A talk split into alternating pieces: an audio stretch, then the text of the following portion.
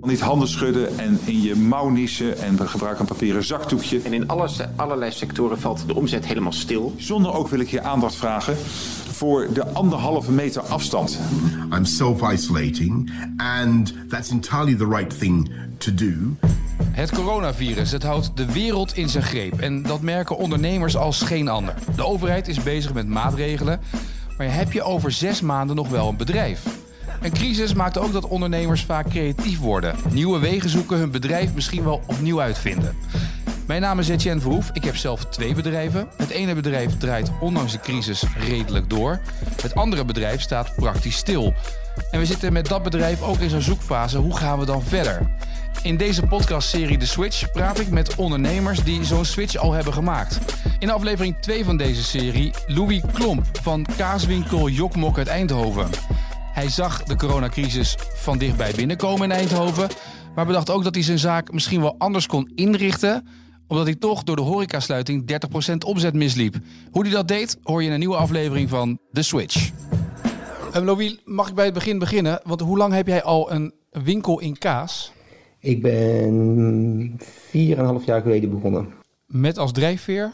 Ik wilde voor mezelf gaan werken en ik wilde iets gaan doen met mooie producten uh, waar ik achter stond. En um, ik zag een mogelijkheid om dat met kaas te gaan doen. En uh, was iedereen het in Eindhoven daarover eens dat een kaaswinkel een goed begin was?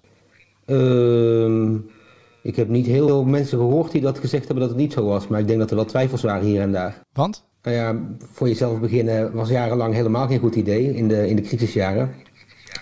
En uh, ik had een goede baan, dus waarom zou ik dat opgeven en met iets, uh, iets, iets hachelijks als dit gaan beginnen?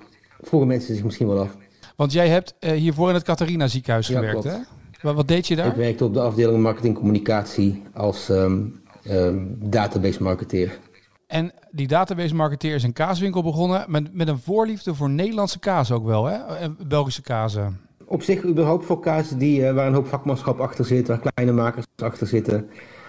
Um, die rauw melk zijn. En uh, ja, Nederlands en Belgisch heeft er nog een streepje voor. Maar ben je ook het hele land door geweest op zoek naar die kazen die je dan in de winkel kan leggen? Want het is niet heel makkelijk om Nederlandse kaas in een winkel te krijgen. Um, ja, ik heb, uh, ik, ik, ben, uh, verschillende, ik heb verschillende tochten gemaakt langs uh, kaasmakers in heel Nederland.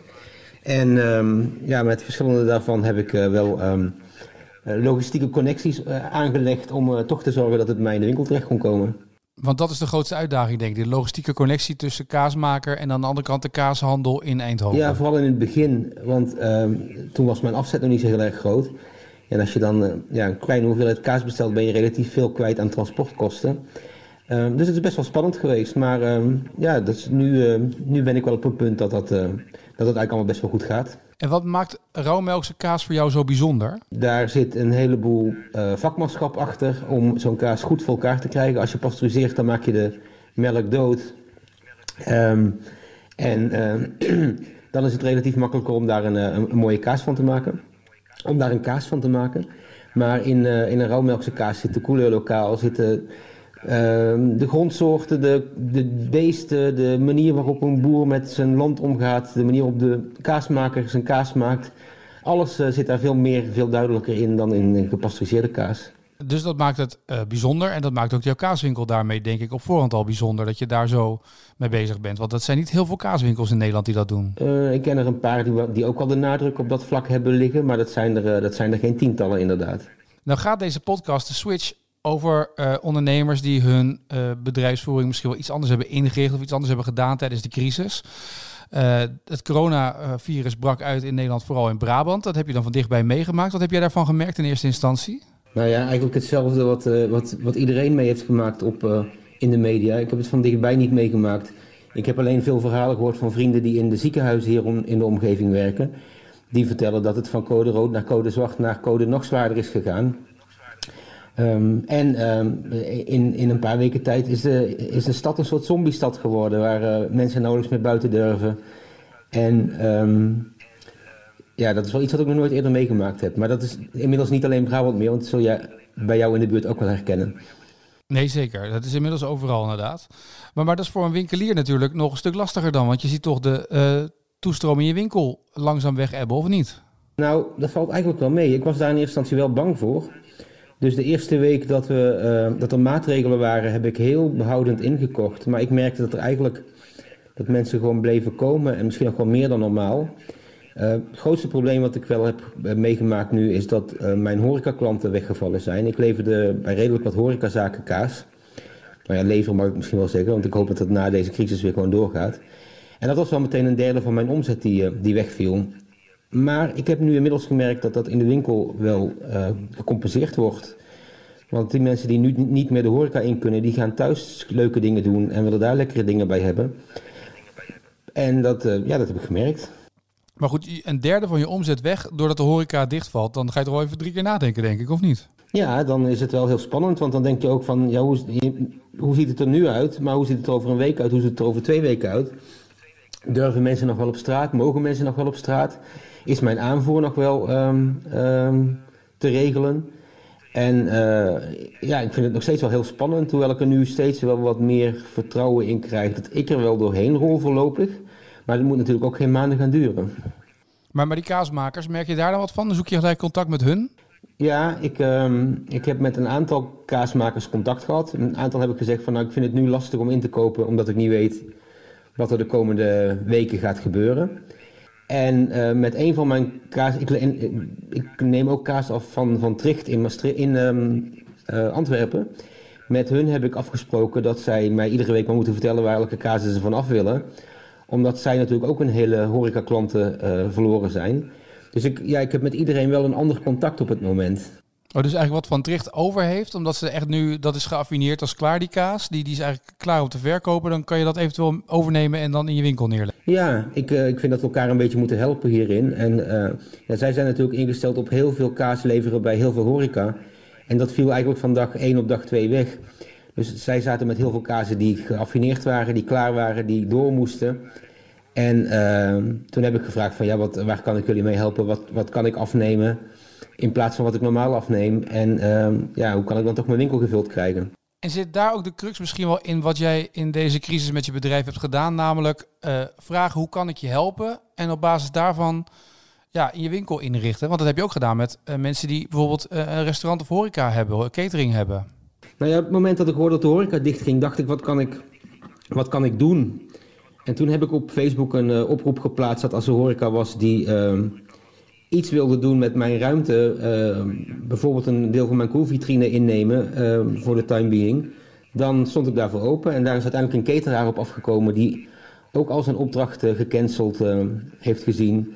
En die verkopen nu sinds een paar, paar weken kant-en-klaar maaltijden en hapjes bij mij in de winkel. En, en loopt dat ook? Komen mensen daarop af? Ja.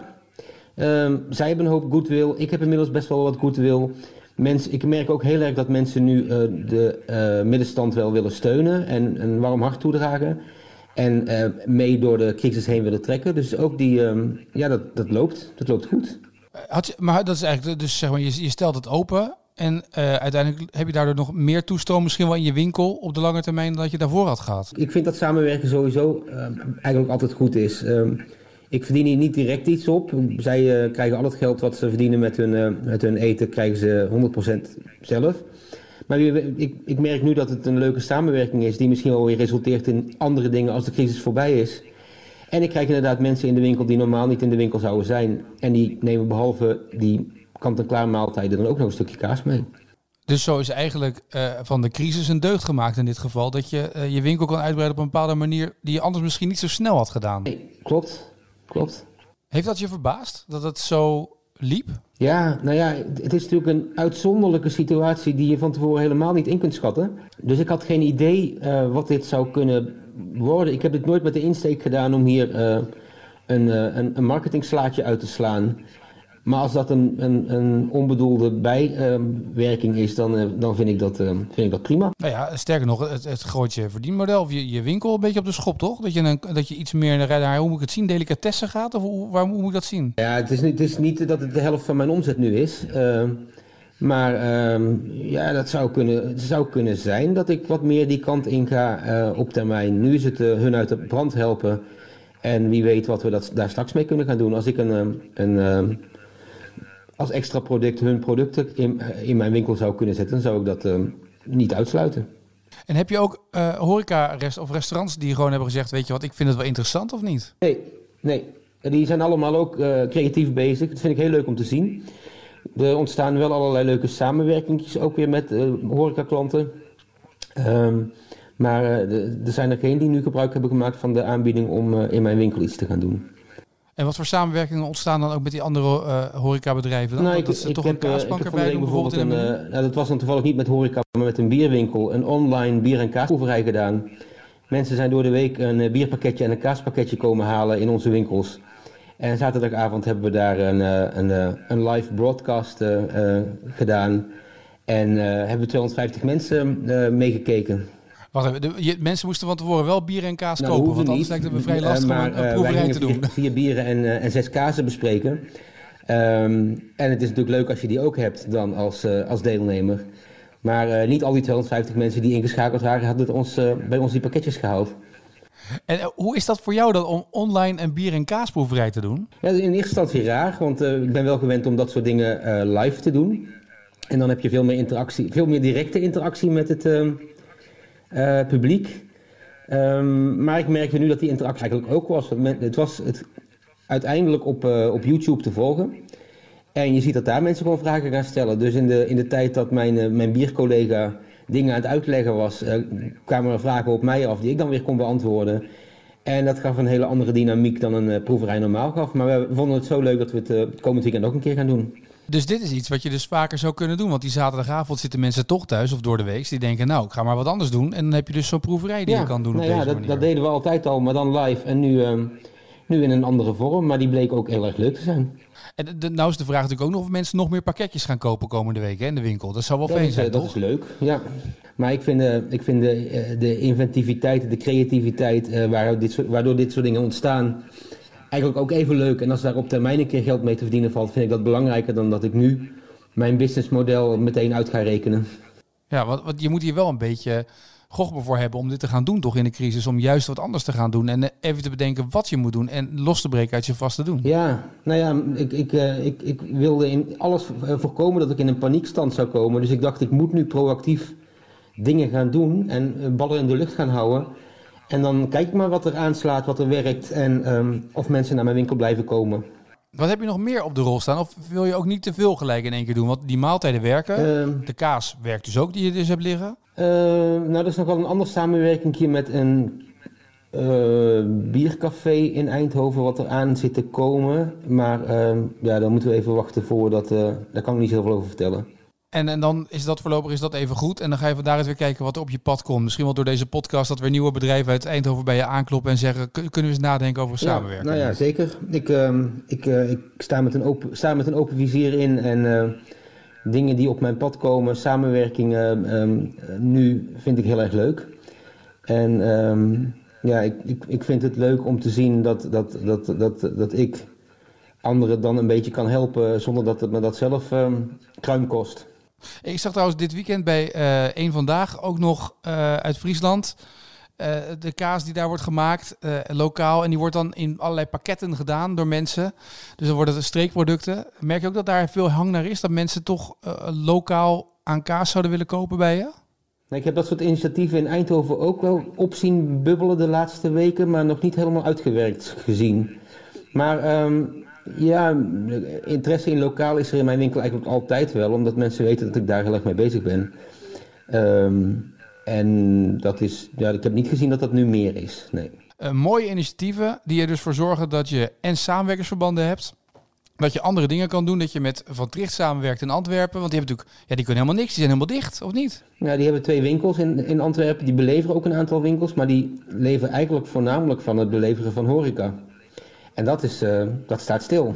Ja, nou goed, dus dat soort dingen, als je op die manier elkaar kan helpen, dat is mooi om te horen. Een mooi voorbeeld ook weer hoe het kan. En vooral met inventiviteit, online bier en kaas proeven. Dat kan dus. En je kan ook met elkaar samenwerken met andere partijen die eten verzorgen en daarmee op, tot nieuwe inzichten komen. En daar is deze podcast ook voor bedoeld. Want misschien dat andere mensen ook wel op een idee komen en tot nieuwe dingen komen en inzichten komen. En misschien wel uiteindelijk een hele businessmodel omgooien. Je weet het nooit natuurlijk, hè? Ja, wie weet. Ik ga zaterdagavond inschakelen. Kan iedereen inschakelen zaterdagavond? Uh, waar moeten ze Proeven zijn? met de bierbrigadier.nl. Proeven met de bierbrigadier.nl. Uh, Louis, dankjewel voor je tijd. Ja, bedankt. Uh, en heel veel succes met Jokmok in Eindhoven.